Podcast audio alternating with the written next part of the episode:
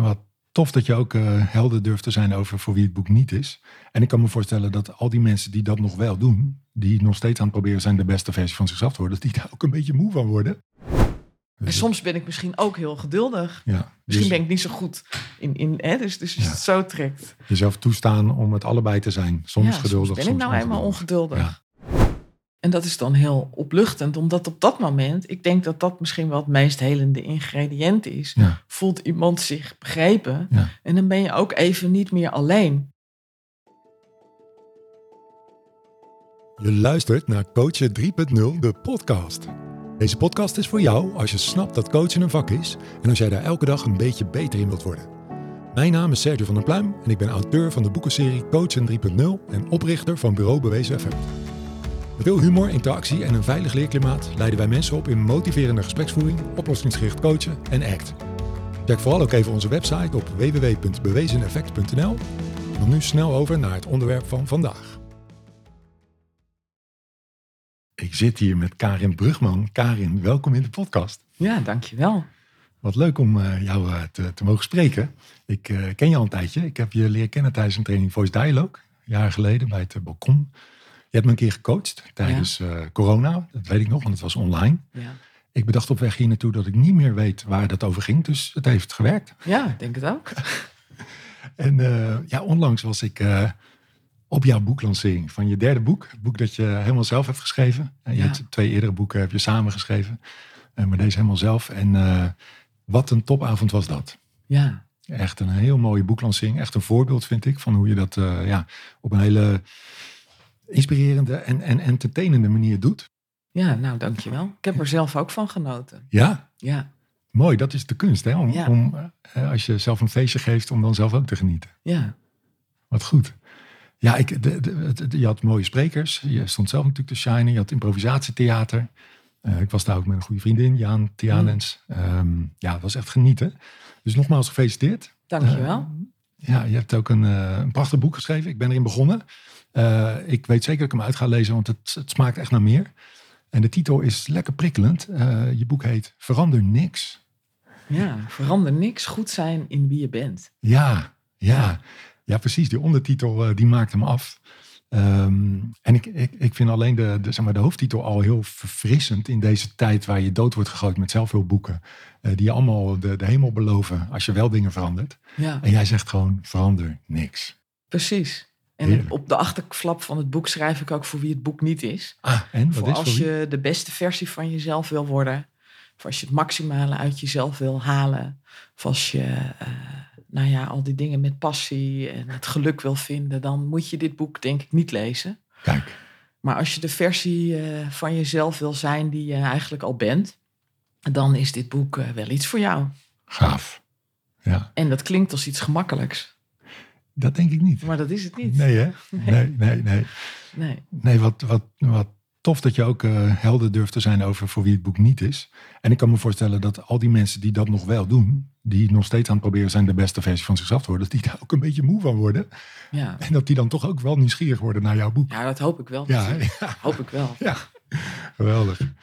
hey, wat leuk. Um, eens even kijken. Ik, wat ik eigenlijk zou willen vragen aan je. Je hebt tijdens je boeklancering heb je uh, een, de inleiding voorgelezen over ja, hoe jij expert bent geworden in nou ja, jezelf proberen te veranderen. En, en zou je dat nog eens willen voorlezen? Zeker. Ja, gaaf. Zeker.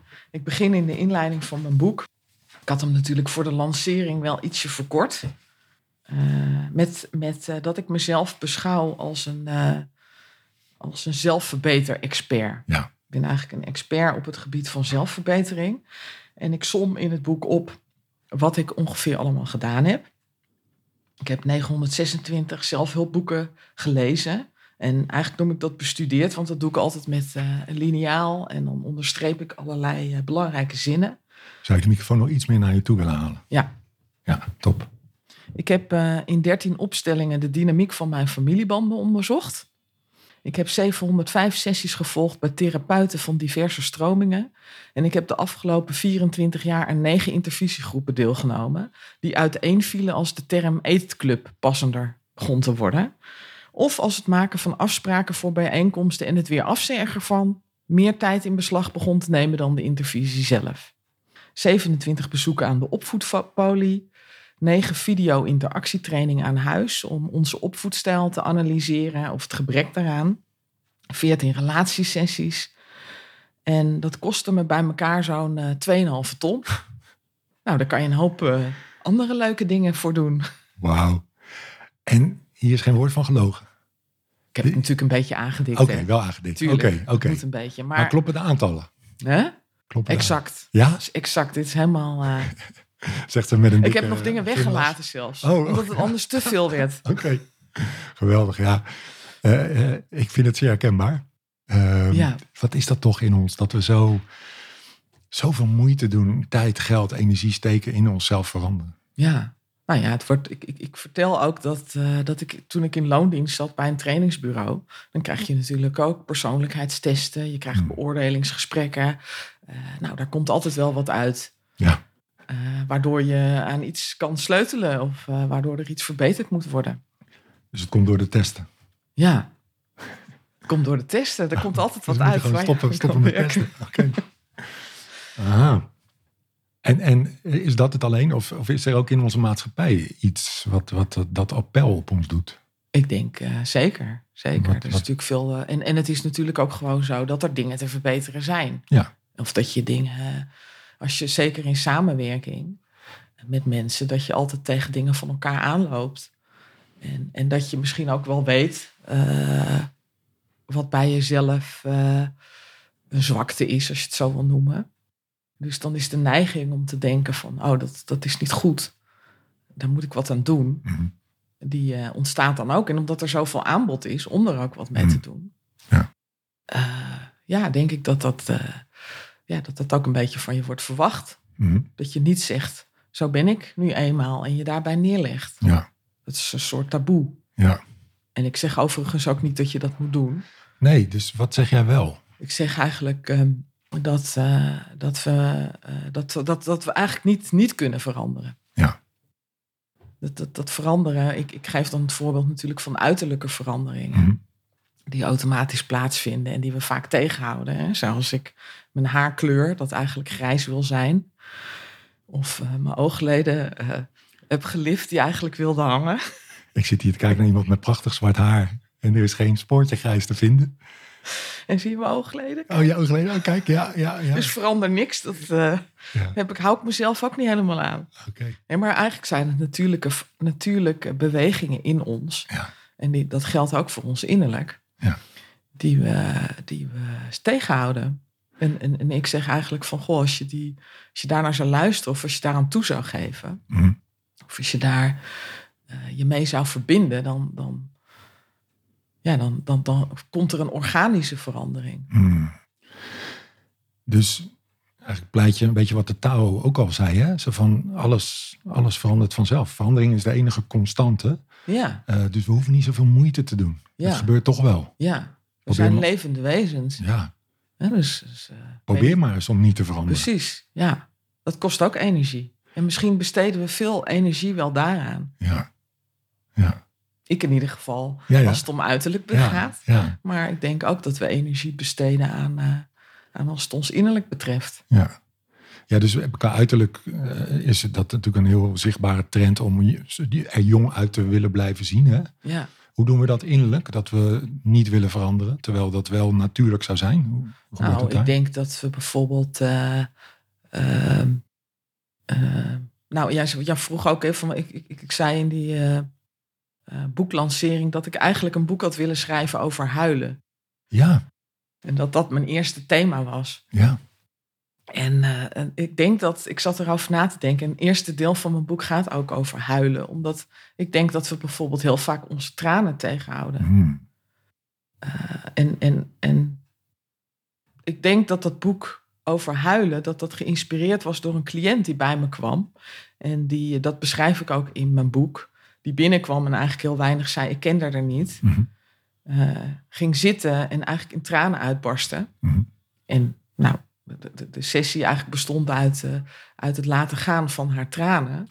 En dat ik daarna dacht, oh, nou, die gaat meteen een volgende afspraak plannen. Want er is nogal wat aan de hand. Ja. En dat ze dat niet deed. En dat ik haar pas jaren later weer zag. En dat ze me vertelde. Nee, maar na die sessie voelde ik me zo herboren. Ja. Uh, ik, ik, het was eigenlijk allemaal goed. Ja. En, en, en dat ze zei, die tranen waren eigenlijk helend. Dat laten gaan, die innerlijke neiging. Die, die, ik eigenlijk voelde. En daaraan toe te geven. Dat was eigenlijk precies wat ik nodig had. Wacht en toen dacht ik, doen we dat niet alleen met, met, doen we dat niet met heel veel dingen? Hè? Als ik in een overleg zit en ik wil iets zeggen, maar ik doe het niet. Of ik irriteer me en ik, ik houd dat binnen. Dan uh, ja, hou je eigenlijk, hou je eigenlijk iets, iets, iets in wat, wat het overleg zou kunnen beïnvloeden. Mm. Nou zeg ik niet dat je alles wat er misschien uh, ongenuanceerd in je opkomt, er maar uit moet gooien. Maar het vertelt wel iets van wat je tegenhoudt van een neiging die eigenlijk in je innerlijk opkomt. En waar je ook uh, naar zou kunnen luisteren wat hij je te vertellen heeft. Prachtig. Is het ook een, een pleidooi voor meer kwetsbaarheid? Ja, zeker. Zeker. Maar ook misschien wel uh, voor de minder mooie kant van kwetsbaarheid. Oh ja. mm -hmm. Want er komen natuurlijk soms ook uh, nou, misschien lelijke dingen in je op. Of, uh, en, en, en ja, daar zou je ook net zo goed oor voor mogen hebben. Aan wat voor lelijke dingen moet ik denken? Nou, als je bijvoorbeeld in een overleg zit en denkt: Oh, heb je, heb je hem of haar weer? Of nou ja, wat een zeikert. Of nou ja, al, al, alle dingen die we ook allemaal denken, ja. Die er ook zijn. Oordelen over anderen. Oordelen, oordelen. En net zei je, die mag je ook serieus nemen. Dus hoe Ja. doe je dat dan? Wat, wat doe je dan met als er een oordeel opkomt waarvan je denkt, nou, niet handig om dit nu uit te spreken, maar ik voel het wel, ik vind het wel. Wat kun je dan doen? Nou, ik denk het in ieder geval serieus nemen dat het misschien iets vertelt en dat het misschien ook iets is wat, kijk, misschien, ik weet niet of jij dat ervaart, maar dat als het in jou zit, dat de kans groot is dat het ergens ook bij andere mensen in de groep Mhm. zit. Ja, dus er zit al- ook wijsheid in. Ja, dus er zit waarschijnlijk, waarschijnlijk hebben anderen ook iets daarvan. Ja. Hè, dus dat je niet de enige bent. Uh-huh. Eh, en dat het misschien iets zegt over wat er niet mag zijn. Hmm. Hè, dus de tegenkant. Ik had Mhm. bijvoorbeeld een cliënt en die eh, zit dan in een club waar heel veel mensen heel beschadigd zijn. Mhm. En mensen vertellen voortdurend het verhaal van eh, hun beschadigingen. En, Mhm. en hij zei van, "Ah, het- ik vind het heel moeilijk om daarnaar te luisteren. Om elke keer weer die verhalen te horen. En af en toe denk ik, hou nou eens op. Of stop er nou eens mee. Mhm. Of weer dit verhaal. Mhm. Maar dat durf ik niet te zeggen. Want ik wil die persoon ook niet kwetsen. Ja. Terwijl ik tegelijkertijd denk, misschien is dat precies wat er niet mag zijn. En dat je alleen maar kapot mag zijn. Eh, en dat je dan een band hebt. En dat, dat, het, dat, er, dat er geen aandacht meer is voor dat wat misschien nog heel is. Of dat er ook is. Hmm. Dus, dus het vertelt soms ook iets over de kant die er niet mag zijn. Ja. En die dan in je opkomt. Ja. En op dat op een of andere manier wel inbrengen. Ja. eh, ja, maakt het weer heler eigenlijk als het ware. Mhm. Ja, dus, je, dus dat zijn dingen die je op het moment kan doen, toch inbrengen. En ik kan me ook voorstellen dat je nog wat, zelf nog wat soul searching kunt doen na afloop. Ja, Eh, als, als, het telkens weer, als je je telkens weer irriteert eh, eh, aan bepaalde type mensen, dan zegt dat ook iets over jou Tuurlijk. natuurlijk. tuurlijk. Ja. Heb je daar ook handvatten voor? Hoe kunnen mensen thuis, als ze willen en ze doen een beetje, een beetje, een beetje zelfonderzoek, hoe zouden ze dat kunnen doen?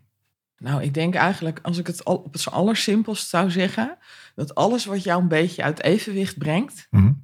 Hoe klein ook, en dat kan positief zijn of negatief zijn, hè, Mhm. of dat je meer verdrietig wordt of juist heel euforisch of misschien wel jaloers of geïrriteerd, dat al die dingen, die vertellen iets over een kant in jou die daar mogelijk, hè, dat is een soort sensor die uitslaat. Ja. En waar, waar je natuurlijk bij kan stilstaan. Hé, hey, ik merk dat ik dit voel. Of ik merk dat ik jaloezie voel. Of ik merk dat ik zou willen zeggen, stop ermee. Eh, wat vertelt mij dat? Ja. En dan kan ik natuurlijk komen op, oh, ik ben misschien is mijn tegenhanger, bijvoorbeeld in dat voorbeeld wat ik net gaf, dat ik meer gericht ben op het positieve en het lastig vind als mensen eh, eh, spreken over eh, alle ellende. Maar het kan ook precies zijn wat, wat, een, wat, wat nodig is, dat dat ook een beetje er mag zijn. En dat Ja. dat ook helpt. Hè? Dus, dus dat, dat iemand kan zeggen, oh, het is niet leuk. Dus je moet soms ook mensen een beetje durven ja, kwetsen, zou ik willen zeggen. Zeggen, niet om te kwetsen, Mhm. maar hey, zo, zo voel ik het. En, en En dat is niet leuk om te horen. Maar, maar als je daar ook weer over nadenkt. Van, hé, hey, Mhm. dit kwetst mij. Maar zit er misschien ook wel iets in? Mhm. Ja, dan ben je samen aan het dansen. Zo zie ik dat altijd. Je laat je sturen, je stuurt en je laat je ook sturen. Heel interessant. Dus eh, eh, kwetsen is niet de intentie. Maar als jij oprecht bent en vertelt wat er in je leeft, dan kan dat voor een ander kwetsend zijn. En dat ja. is geen reden om het niet te doen. Nee, want we worden allemaal gekwetst, toch? Ja. Mensen zeggen ook dingen tegen jou of tegen mij die, Ja. die soms ook even slikken zijn. Ja. En dan voel ik ook de neiging om te zeggen, nou, maar dan denk ik soms, nou ja, nee, nee er zit misschien wel wat in. Ja, ja Of- je- of- jij doet dat, want jij hebt zoveel zelfreflectiecursussen Soms gedaan. als, op een goed moment lukt me dat. Ja, oké, oké. ja, ja. Niet privé, maar, maar op mijn werk. ja, oh ja, oké. Daarom ben ik zo graag op mijn werk. Oh, Ja. ik, ik, ik herken iets. Ja, hè? Van mezelf dan ook, hè? Ja. Ja, wat gaaf. Als ik je zo beluister, dan, dan krijg ik de indruk dat, eh, en zoals ik je heb leren kennen ook, dat, dat, dat een soort boodschap van jou is, alles mag er zijn. ja, dat is eigenlijk de kunst. Ja, Omdat eh, dat misschien wel de, de oefening, ja.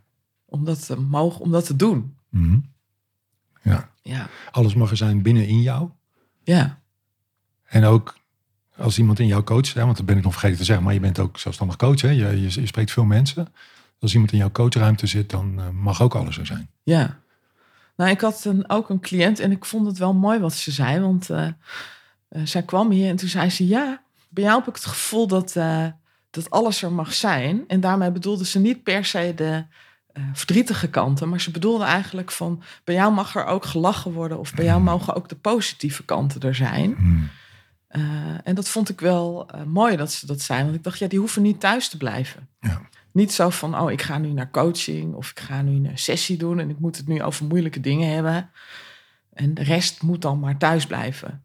Nee, er zit hier als een met zoveel mogelijk delen. Ja. En daar horen de de- delen bij waar, waar je mee worstelt. Maar misschien ook, eh, ook waar het goed mee gaat. Mhm. Die mogen er ook zijn. Ja, Ja. Hey, Karin, eh, jij komt op mij over als een wijs mens. nou dank je. Mag je best weten. Ja, En eh, als ik zo je boek lees, dan, ja, dan is dat voor een deel levenservaring, denk ik. ja. Je hebt ook echt wel het nodige meegemaakt. Zoals iedereen, maar toch, je hebt ook Ja. echt wel een interessant Ja, ik, verhaal, heb nog vind maar, ik. ik heb de heleboel weggelaten. Ja, echt? Oh, kun je nagaan. En tegelijkertijd eh, heb jij ook eh, minstens twee, waarschijnlijk veel meer, maar minstens twee, ja, een soort van mentoren gehad. Ja, Er kwam net in het voorgesprek, kwamen die al even aan de orde. ja. Zou je eens iets over hen willen vertellen en, en hoe zij jou, ja, je professionele leven hebben verrijkt en misschien ook wel je persoonlijke leven? Ja, nou, ik vind het leuk, want je noemt het mentor, omdat dat mensen zijn die mij eh, opgeleid hebben of geïnspireerd hebben. Mhm. En tegelijkertijd denk ik, als je dat zegt, denk ik ook van mijn coaches of de mensen, mijn cliënten zijn eigenlijk ook soort mentoren. Oh, wat gaaf.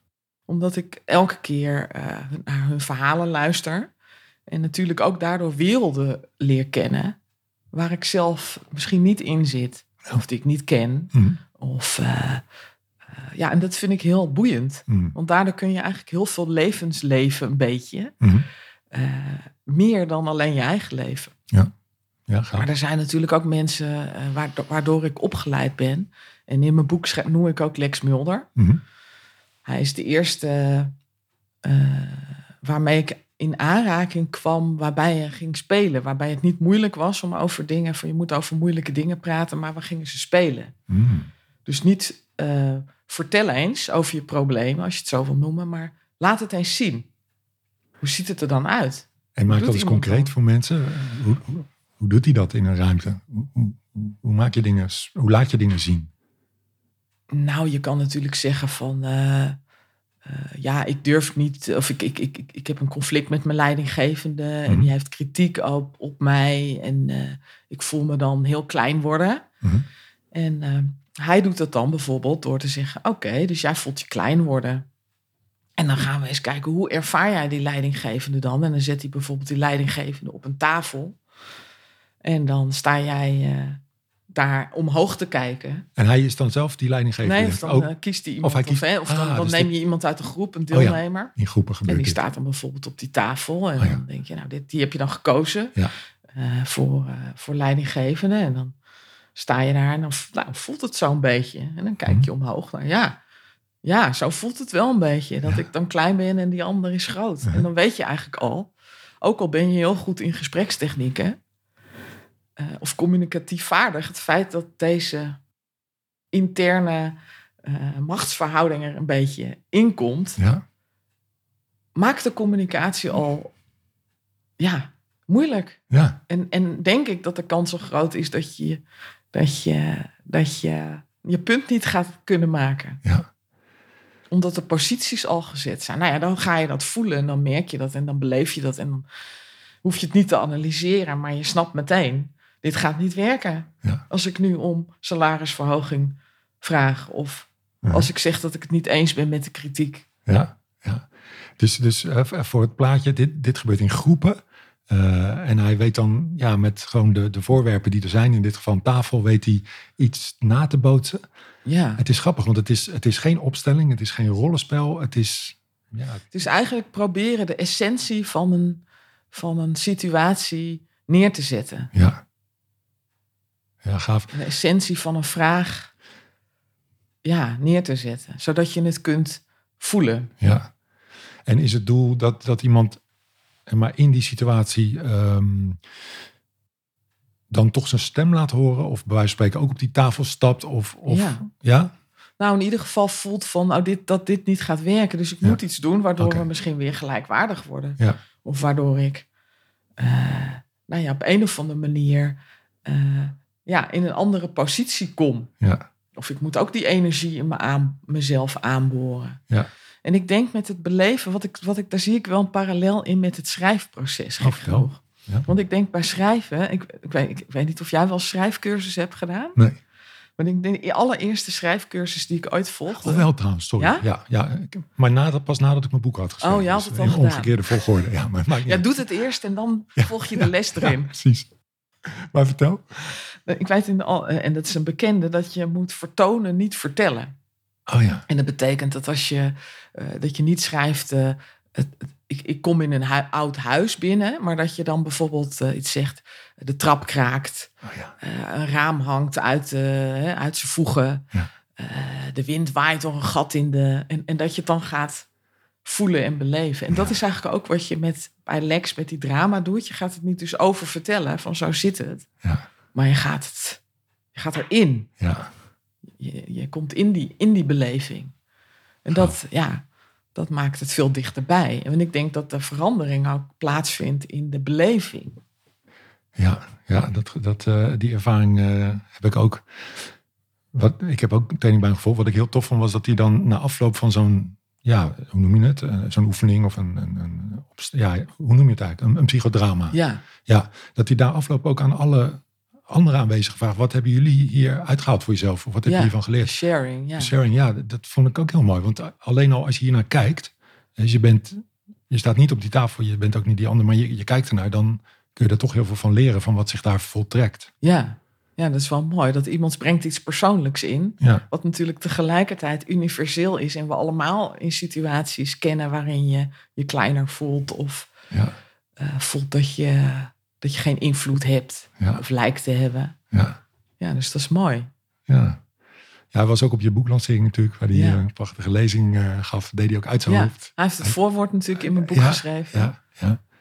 Ja, mooi mens. Ja, dus dat vond ik ook leuk om, eh, om dan na zoveel jaar eh, dan terug te gaan naar je opleider en te vragen: Ik heb nu dit gemaakt, zou jij Ja, eh, mijn voorwoord dan willen schrijven? ook spannend denk ik om te vragen. Ja, zeker. Zeker. Nou, schatte ik de kans wel hoog in dat Ja. hij het zou willen doen en Ja. dat hij zich ook vereerd zou voelen. Ja. Dus, nou, dat klopte. Gaaf. Ja. Wat leuk. En, en je hebt nog een mentor, vertelde je net, vast meer, maar Ja. die andere kwam ook te sprake. ja, ik denk is heel ook. anders, hè? Dat is minder expliciet, want iedereen Ja. weet natuurlijk dat ik eh voice dialogue doe. Oh ja. Ja. En ik ben natuurlijk ook door Helen Sidra eh, in, eh, in Amerika opgeleid. Ja. Maar een andere mentor waar ik heel veel en nog steeds wel inspiratie haal is René Maas Mhm. van Focussen. En ik denk eigenlijk dat dat ook wel, hoop ik, dat dat het boek het ook focusing ademt, Hmm. maar dan minder expliciet. Oké, tussen de regels door. En focusing is dan, eh, Ja, vertel eens, wat is het? Ja, ik denk dat het iets is. Ik, ik, ik, René Maas is dan degene door wie ik ben opgeleid. Dat, dat, die, die vindt het altijd zelf ook moeilijk om te vertellen wat het is. En dat snap ik ook, want het is eigenlijk een. eh, je moet eigenlijk luisteren voor bij- beide taal. Zoals je moet naar mensen luisteren als naar een gedicht. Mhm.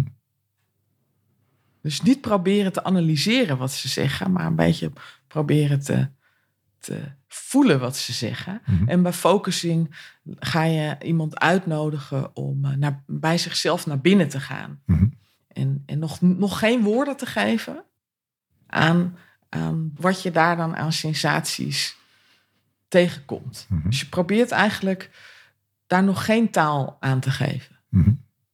Omdat taal, taal soms ook dingen vastzet. Hè? Dus Mhm. als ik bijvoorbeeld zeg van nou tegen jou, oh, ik vind het best spannend Mhm. deze podcast eh, Mhm. opnemen.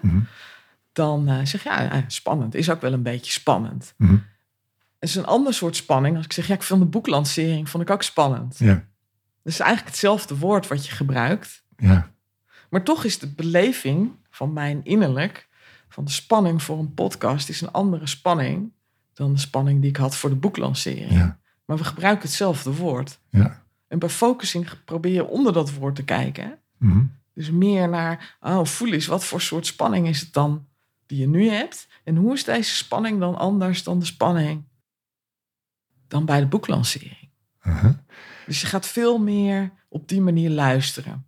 En vraag je die ander dan om daar woorden aan te geven of juist niet? En vraag die ander eigenlijk om, soms doe ik dat ook wel met mijn ogen dicht, bij zichzelf naar binnen te gaan. Mhm.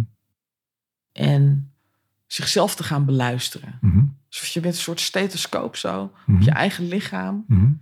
zou houden en dan, en dan luistert naar de ruis of naar je hartslag of, of, of de dingen die daar gaande zijn. En Mhm. een van de bekendste uitspraken, mooiste uitspraken van René Maas vind ik ook altijd dat hij zegt van coachen is eigenlijk mensen zo min mogelijk proberen te hinderen. Mhm. En met heel veel interventies en met heel veel vragen Mhm. verhinderen we mensen Mhm. juist om bij zichzelf naar binnen te gaan. En voorkomen we juist dat mensen in zichzelf afdalen. En, en het is veel belangrijker dat je bij iemand aanwezig bent en dat diegene bij zichzelf naar binnen kan afdalen in jouw aanwezigheid. Zonder dat je misschien, misschien helemaal begrijpt wat die ander daar tegenkomt. Of, of nou ja, zo. En daar dan dingen kan ontdekken Mhm. die hij nog niet wist. Ja. En beelden. Want natuurlijk, dat ken je misschien ook wel, dat mensen soms al een verhaal hebben gemaakt van, ja, ik, eh, ik, ik, ik, ik, ik, eh, word kwaad, want, en dan komt het, ik heb eh, deze diagnose en het komt omdat mijn vader dit deed en omdat dat en dat is gebeurd en daarom doe ik zo. Ja. Dan heb je een soort vaststaand verhaal. Ja. En dat is dan een soort waarheid. Mhm. En met focussen, door, weer op, door, door iemand eigenlijk in verbinding met zijn eigen lichaam te brengen. Mhm. Eh, ja, ga, ga je beweging brengen in dat verhaal. Heel gaaf. Wat je vertelt raakt enorm aan wat we bij ACT doen. Ja, En mag ik eens met je onderzoeken of dat hetzelfde is of toch iets anders? Daar ja ben ik natuurlijk. Nee, ik vind het ook wel... eh, Oké, Ja, bij ACT eh, hebben we een aantal processen.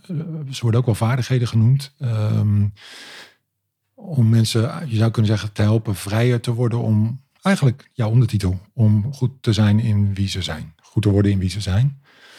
Ehm, en aan de ene kant, het heet niet voor niks acceptance en commitment therapy. De commitment kant gaat over van, goh, zijn er nog dingen die je, ehm, daar zit wel een veranderstuk. Daar zit wel eh, een stukje waardeonderzoek van, van welke dingen doe je nu nog niet die je wel heel graag zou willen doen. Bijvoorbeeld. Eh, of zou willen zijn zelfs. Dus als iemand zegt, ja, ik ben altijd een hele ongeduldige vader of moeder. En ik zou eigenlijk wat, wat meer geduld willen hebben met mijn kinderen, bijvoorbeeld. Hè? Dan, dan hoor je daar commitment in door en een bepaalde waarde, zou je kunnen zeggen. Nou, bij ACT gaan we ervan uit, als dat makkelijk was, zou je dat al elke dag doen. Maar het is niet makkelijk. Het is kennelijk ook lastig. En daar komt de acceptatiekant om de hoek kijken. En die ga- gaat eigenlijk over twee aspecten van mens zijn, namelijk het denken. En dat doen we ook radicaal anders dan eh, wat we allemaal geleerd hebben van positief denken en de rationeel-emotieve therapie. Weet je, verander je gedachten, maar dan komt het wel goed. Dat doen we niet. We doen iets anders. En bij het voelen doen we iets wat heel erg lijkt op wat jij net omschreef. We, gaan, we, we stimuleren mensen dat ze eh, zeg maar, het innerlijke ongemak onderzoeken. Wat hen in de weg staat om met geduld aanwezig te zijn bij hun kinderen. Bijvoorbeeld eh, bij het voorlezen of welk moment dan ook. En wat we dan wel eens, dat doen we op verschillende manieren. Maar het gaat allemaal over het er laten zijn. En er niet voor wegvluchten, er ook niet tegen vechten, maar het eigenlijk onderzoeken. En, en een visuele manier is van, goh, kijk eens of je als een soort nieuwsgierige onderzoeker die binnenwereld eh, een beetje in kaart kan brengen. En in het moment, hè, dus we proberen ook dat gevoel een beetje op te roepen. En dat gaat over waar, waar in je lichaam bevindt zich. Maar is het ook, heeft het een kleur? Is, heeft het een vorm? Is het bewegelijk of statisch? Is het koud of warm? Al die kwaliteiten onderzoek je zo.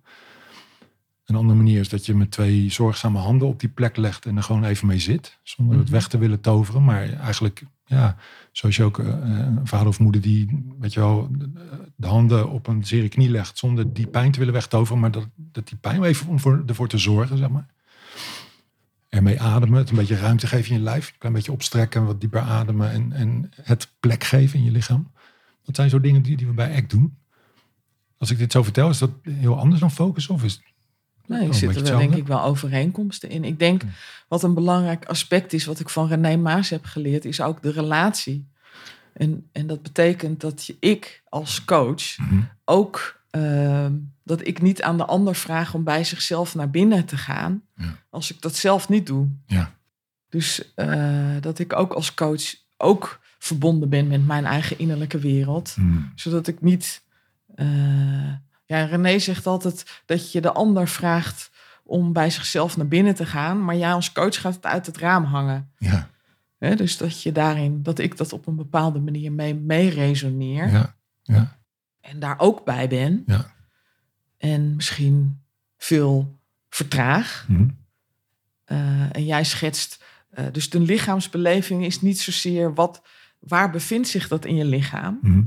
Maar dan zou de vraagstelling eerder zijn: terwijl je, je wil iemand waar die is houden. Mhm. Dus je gaat dan niet vragen bijvoorbeeld eh, waar in je lichaam is dat, maar Mhm. terwijl iemand daar is, ga je vragen: oh merk zo maar eens terwijl je daar bent Mhm. hoe dat is. Oh ja, Dus je probeert iemand te houden op ja, hè, dat, iemand, dat je iemand niet wegtrekt van de plek waar ja, die net beland is. ja.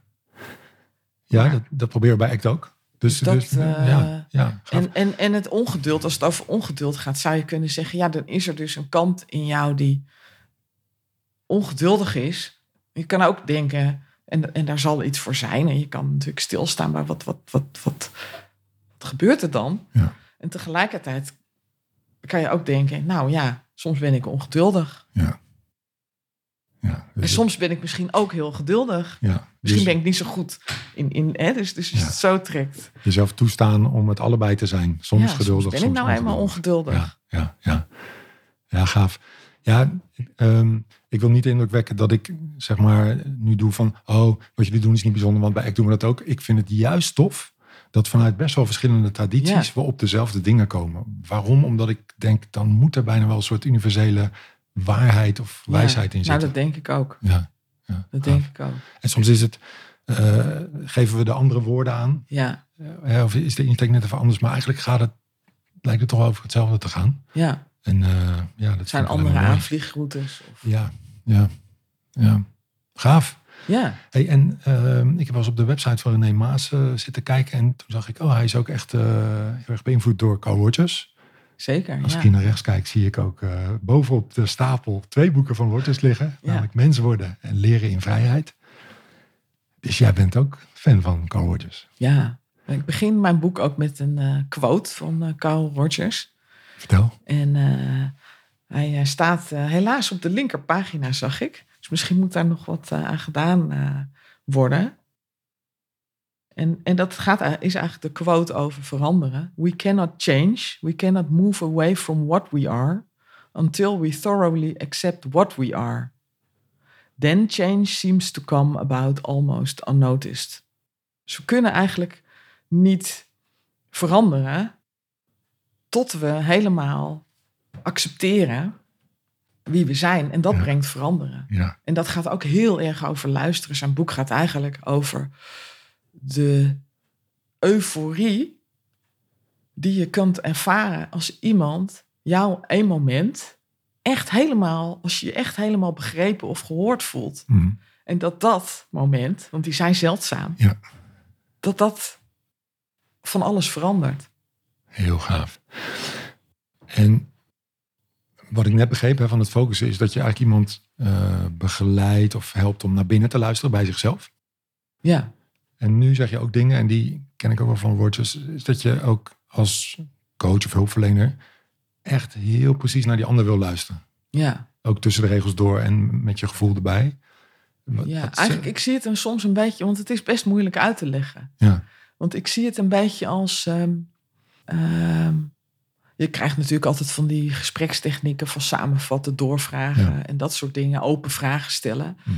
Maar dat het veel meer gaat over als jij mij iets vertelt, dat ik het, dat ik het eerst proef. Mhm. Zoals je wijn proeft of als je, als je een gerecht proeft. Mhm. En dat je pas nadat je het geproefd hebt, Mhm. weer teruggeeft wat je geproefd hebt. ja, Maar er zit wel jouw kleuring een beetje aan. ja. En daarin zit precies de verandering.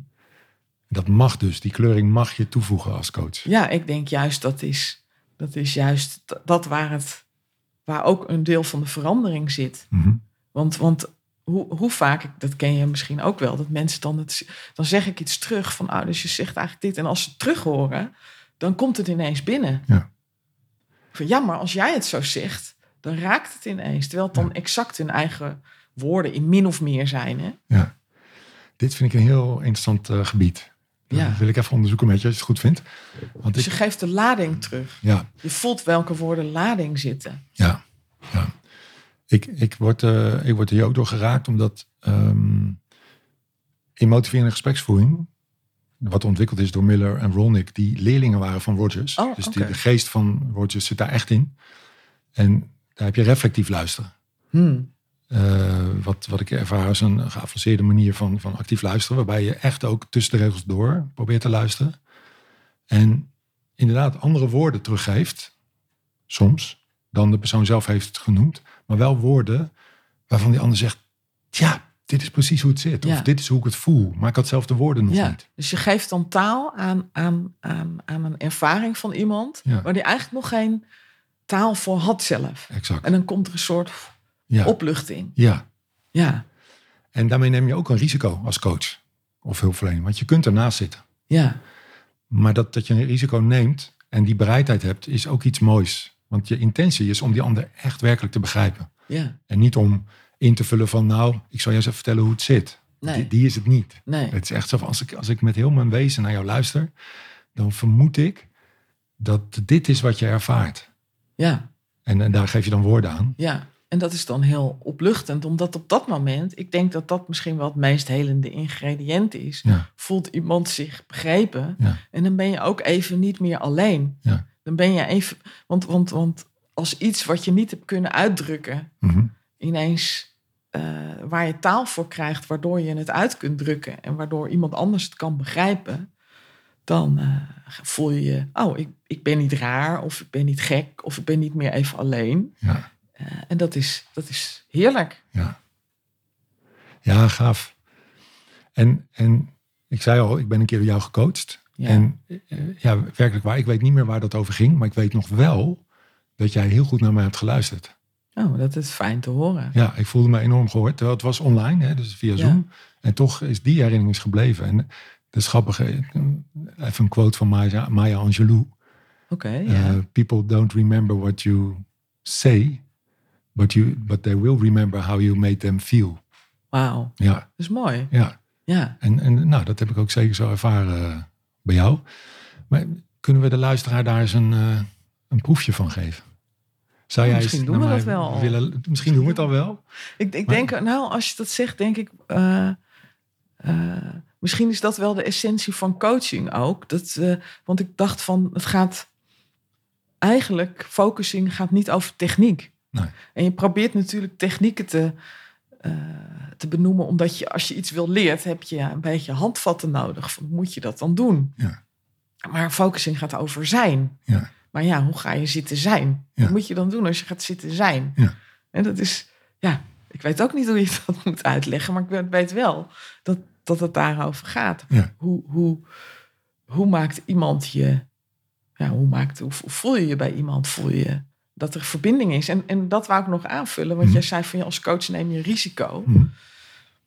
Ik denk dat je dat als iemand voelt dat je echt ver- verbonden bent, als je Mhm. samen aan het dansen bent en je maakt een verkeerde beweging, hè, of, of je voelt even, dit, dit Ja. wil die ander niet, en je laat je weer bijsturen, dan kom je toch dichterbij. Ja, Dus als je iemand zegt, nee, maar dat is het niet, ah, maar wat is het dan wel? ja. Nou, het is dit. exact. Dan heb je toch iets, iets, iets gegeven waar iemand op verder kan. Ja, En als je dan weer laat corrigeren, oh, dat is het niet. Oké, laat los. Ja. Dan ben je samen aan het zoeken en aan het tasten. En dan kom je op gebieden die nog onontgonnen zijn. Ja. En daar wil je, je wil naar onontgonnen gebieden, naar de eerste druk. Hè? Waar nog niet, wat nog niet eerder is geschreven, wat nog niet eerder Mhm. verwoord is. ja. Ja, Ja, ik zie jou lachen. Ja, prachtig. Ja. Nee, ik vind heel, je verwoordt het heel mooi. En ik lach ook, omdat eh, ik wil je toch even uitdagen. Ja, Zou jij eens vijf minuutjes naar mij willen luisteren, zoals jij dat doet tijdens coachgesprekken?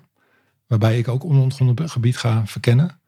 Eh, en zou jij eens ja, willen voordoen hoe je dat doet? oké. En ik, ik overval je, want dit hebben we niet afgesproken. Nee.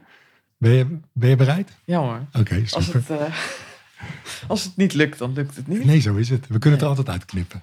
Oh ja, dat is Maar- altijd goed. Ja, maar ja. ik hoop dat dat niet nodig is. ja. Oké. Nou, ja, ik, ik grijp de kans omdat ik hier met een collega-auteur eigenlijk spreek. Dus ik vind het ook wel leuk om, om, om het daarover te hebben. En dat is echt iets wat bij me leeft nu. Dus ik ga hier niks van verzinnen. Is helemaal echt. Ik ben begonnen met een vierde boek te schrijven. Ehm, maar ik vind het ook spannend, merk ik. Omdat ehm, het is een onderwerp waar al boeken over geschreven zijn. Ik wil het schrijven over, eigenlijk over provocatief coachen, maar dan op een andere manier dan tot nu toe geschreven is. Oké. Maar ik vind het ook eh, spannend omdat ik zie mezelf niet als een natuurtalent eigenlijk. In provocatief coachen. Oké. Dus maar, je, maar je wilde wel een boek over schrijven. Ja, En eh, schrijf je het alleen? Ja. Oh, je schrijft alleen een boek over provocatief coachen. Ja. Je vindt jezelf geen natuurtalent. Mhm. Maar er is wel een grote drive om het te doen. ja. ja, dat klopt. Je is iets heel sterk van ondanks dat je geen natuurtalent bent... of dat je jezelf dat niet vindt... Ja. is er toch een drive Ja. die maakt dat je dat wil doen. ja, dat voel je goed aan. Ja, dit is grappig en die brengt mij eigenlijk terug tot, tot mijn jeugd. Want ik ben opgevoed door een stiefvader die heel anders was dan ik. Hmm. Ehm, hij heette Donald en eh, nou ja, we verschilden als dag en nacht. Hè, Met een stiefvader kun je dat hebben natuurlijk, dat hij gewoon heel, totaal niet op je lijkt. Ja. En ehm, hij was in een aantal aspecten was hij meer een waarschuwing voor me. Dus dingen die ik echt niet van hem over wil nemen. Terwijl sommige dingen heb ik wel een beetje overgenomen, maar ook weer achter me gelaten. Maar hij was in, ook in een paar dingen was hij een groot voorbeeld. Eh, onder andere in zijn liefde voor de natuur. Daar heeft hij me echt in geïnspireerd. Maar ook door zijn enorme gevoel voor humor. En, en het is bijna een soort ode aan hem om dit boek te schrijven. Ja. Ja. Ja, ik denk het wel. Nou, als ik nu echt een sessie zou eh, eh, met je zou zitten, zou Ja. ik dus nu zeggen van, ah, meer, want, want dat, dat, als je dat zegt, dan, dan, dan zie ik dat daar een fysieke beleving bij zit. Ja, Om, om, om stil te staan bij, oh, hoe is dat als je dat zo zegt? Van, is misschien wel een ode aan hem. Ja, ja ik voel, dat, als je dat zegt, voel ik ook meteen van, het klopt wat je zegt. Ik voel een soort warme gloed in mijn eh, borstkas Ja. en buik zo'n beetje. Beetje een rode, warme gloed. Die eigenlijk heel fijn is om te voelen bij hem. Ik heb ook andere gevoelens bij hem. Ja. Maar deze is nu, als ik hier zo over praat, echt op de, de, de voorgrond. En dat, die is heel fijn. Ja, dus een ode brengen aan je stiefvader, die ook in heel veel opzichten tegenovergesteld was aan jou. Ja, En, en, en waar je het misschien ook moeilijk mee hebt gevonden. zeker. Ja, ja. En het leuke is, het is ook een ode aan mijn echte vader. Hmm. Tegelijkertijd. Als- Ja, mijn biologische vader. Ja, Ja? die heb ik pas leren kennen nadat ik eh, eh, afgestudeerd was. Hmm. Ik wist altijd van zijn bestaan vanaf heel jong. Maar dat was, voor mij was het een grote stap om iemand op te zoeken waarvan ik niet zeker zou weten of hij mij zou Nee, accepteren. wow, wat spannend. Ja, ja, ik heb uiteindelijk die stap gezet. Maar dat durfde ik ook pas nadat ik was afgestudeerd. En dat was een fase in mijn leven dat ik dacht, nou, nu kan ik de hele wereld aan. En zou ik ook met eventuele afwijzing kunnen dealen. Oh, je hebt meteen gebruik gemaakt van dat moment om dat te doen. Ja. En dat heb ik dus gedaan. En, en ik heb hem leren kennen. En Daar ben ik heel blij mee. Hij is inmiddels overleden, maar ik heb hem eh, twintig jaar van mijn leven eh, gekend. En Ja. ontdekt waar ik vandaan kom, ook dat stuk, zeg maar. Ja. En, ehm, en op een gegeven moment wilde ik heel graag de, de jaartraining provocatief coachen volgen. Oké. Maar ik had geen geld. Mm. En hij, eh, hij was een beroemde kunstschilder. En hij had, hij had een grote prijs gewonnen, wist ik. Dus ik dacht, hij heeft geld. ik schaam me bijna een beetje als ik het zeg. Ja. Maar ik, ik, ik, ik, ben, ik heb hem gebeld en ik heb gevraagd, joh, ik, ik zou heel graag deze, op, deze opleiding willen volgen. Zou je me willen sponsoren? En zei hij meteen ja. Ja, wat fijn. Ja, en het tof is, ik, ik, ik, eh, ja, ik durf wel te zeggen dat ik een bepaalde creativiteit in me heb. Die heb ik echt van hem geërfd. Daar ben ik Ja. heel dankbaar voor. Ja. En provocatief coachen, daar zit heel veel creativiteit in. Mm. Dus die combi en dat hij die opleiding heeft gesponsord. Dus ik wil het ook, ik wil het boek opdragen aan mijn beide vaders. Wauw. Ja, en, en terwijl ik dit zo schrijf, voel ik echt een hele sterke drive om. Terwijl ik dit vertel, sorry, voel ik een hele sterke drive om, om dat boek echt te schrijven. Ja. Ik zie ook de ontroering als je dat zo vertelt. Of Ja. ik noem het nu, hè, met focusing zou je dat dan eigenlijk niet zo benoemen. Wat zou je dan doen? Dan meer van, nou merk je zo bij jezelf hoe dat is. eh, als je dat zo vertelt over dat het eigenlijk een ode is aan, aan twee vaders Ja, die betekenisvol waren in jouw ja, leven. ja, zeker. Ja, ik voel ook dat het me ontroert inderdaad. Wauw, dankjewel dat je eventjes zo eh, heel precies naar mij wilde luisteren. Ja. Echt fijn. Het voelt ook gewoon eh, dat deze ode er moet komen. Ja, hè? Ja. Ja, lijkt me heel mooi. Omdat je vindt het ook wel. Het, lijkt, het, voelt als je dat vertelt dat het iets helends om dat doen. ja. Dat het jou iets zou kunnen geven wat jou eh, gewoon het maken ervan. Mhm. Dat het jou heelt of iets goeds geeft door dat te doen. Door daarmee bezig te zijn. ja.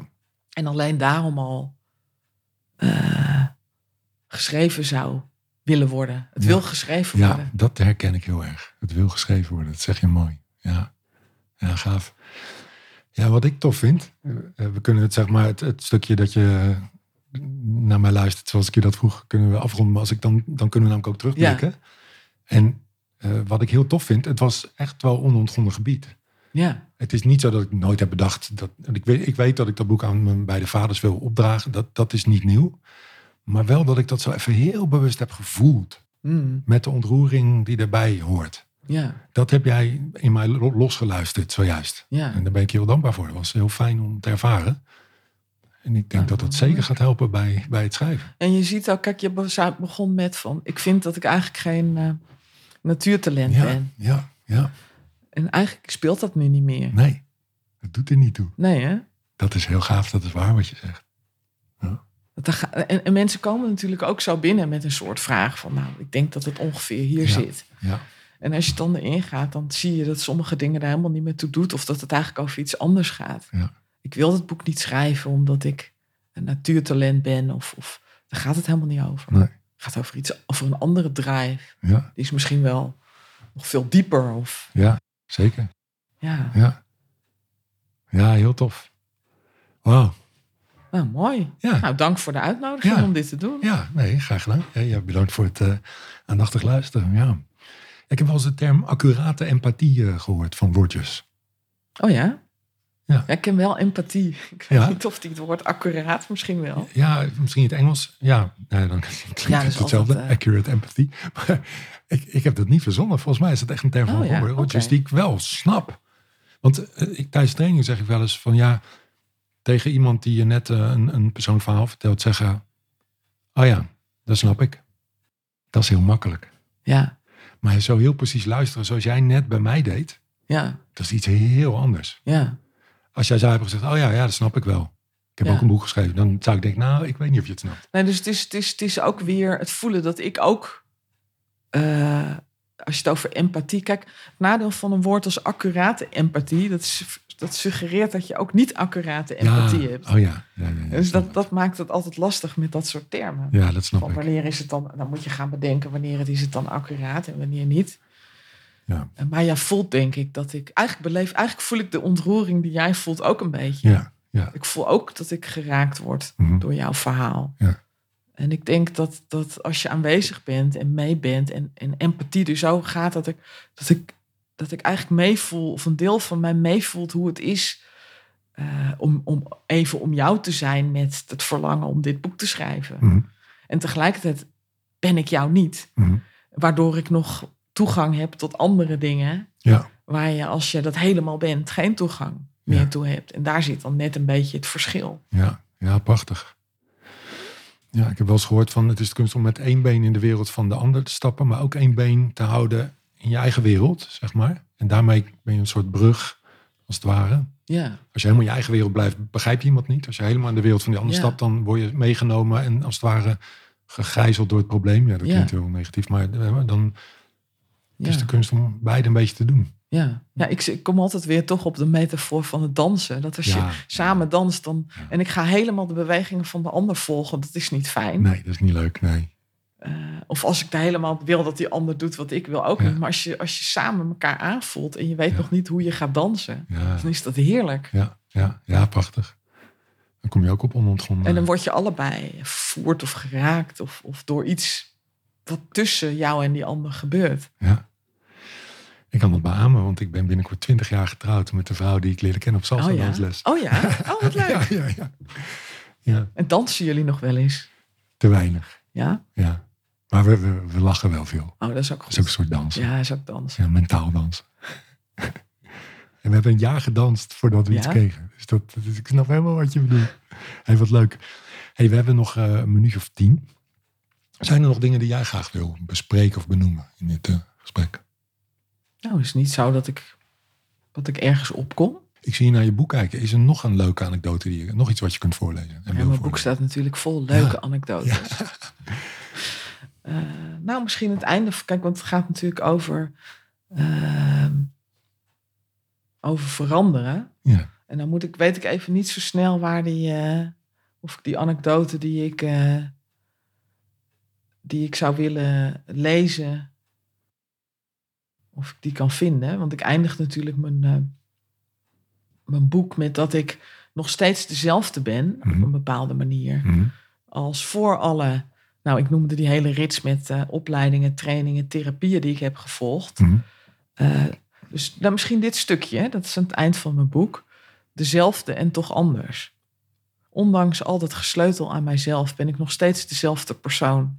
Met veelal dezelfde verbeterpunten. Toch is er tegelijkertijd veel veranderd. Ik heb een betere relatie met mijzelf gekregen. Liefdevolle en vriendschappelijke relatie in plaats van een veroordelende en kritische. En nog altijd wordt deze vriendschap met de verschillende delen die in mij aanwezig zijn hechter. Niet alleen met de amabele delen van mezelf, de sensitieve, spontane en sociale, maar ook met de op zichzelf gerichte, jaloerse, gemene en veroordelende kanten in mij. Al heb ik er soms moeite mee als zij verschijnen. Wauw. misschien even tot zover. Ja, prachtig. Karin, waar kunnen mensen jou vinden? In Utrecht. Bij mijn bedrijf heet de Onderstroom.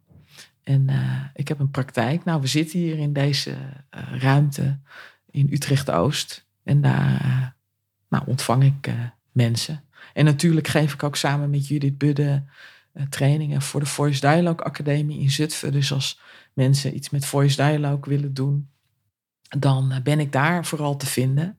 En eh, doe ik heel veel dingen samen met Judith op dat gebied. We zijn ook bezig met het maken van een verander niks programma. Oh, Dus naar aanleiding van dit boek eh, eh, nou, zal er ook een programma komen. Dus niet voor, specifiek voor coaches, maar gewoon voor mensen die nou, misschien iets aan zichzelf willen veranderen. Of juist niet. Of juist niet. Ja. En die dan toch het leuk vinden om daar iets mee te doen. Dus die, ik hoop dat dat in het najaar of anders volgend voorjaar binnen de Voice Dialogue Academie eh, in Zutphen zal plaatsvinden. Wat gaaf. Ja, Ik zal de linkjes eh, in de show notes eh, zetten. nou Dus dankjewel. als het programma af is, laat me gerust weten. Dan kan ik die Oh, altijd leuk. bij Ja. plakken. Ja. Karin, ik ga je ontzettend bedanken voor dit mooie gesprek. Ja, jij ook bedankt. Heel erg leuk. Ja, ik heb, ik heb er van alles bij ervaren. Bijzondere gevoelens die ik ook niet had verwacht. Dus Ja. oprecht dank je wel daarvoor. Ja, en beste luisteraar, ja, ik ben, het kan niet anders of jij bent het met me eens dat eh Karin Brugman de wereld mooier maakt. Dat doe jij vast ook, beste luisteraar, dat weet ik zeker. Ga daar vooral mee door, want dan eh, wordt elke dag de wereld een stukje Ja. mooier. Daar hoef je niks voor te doen.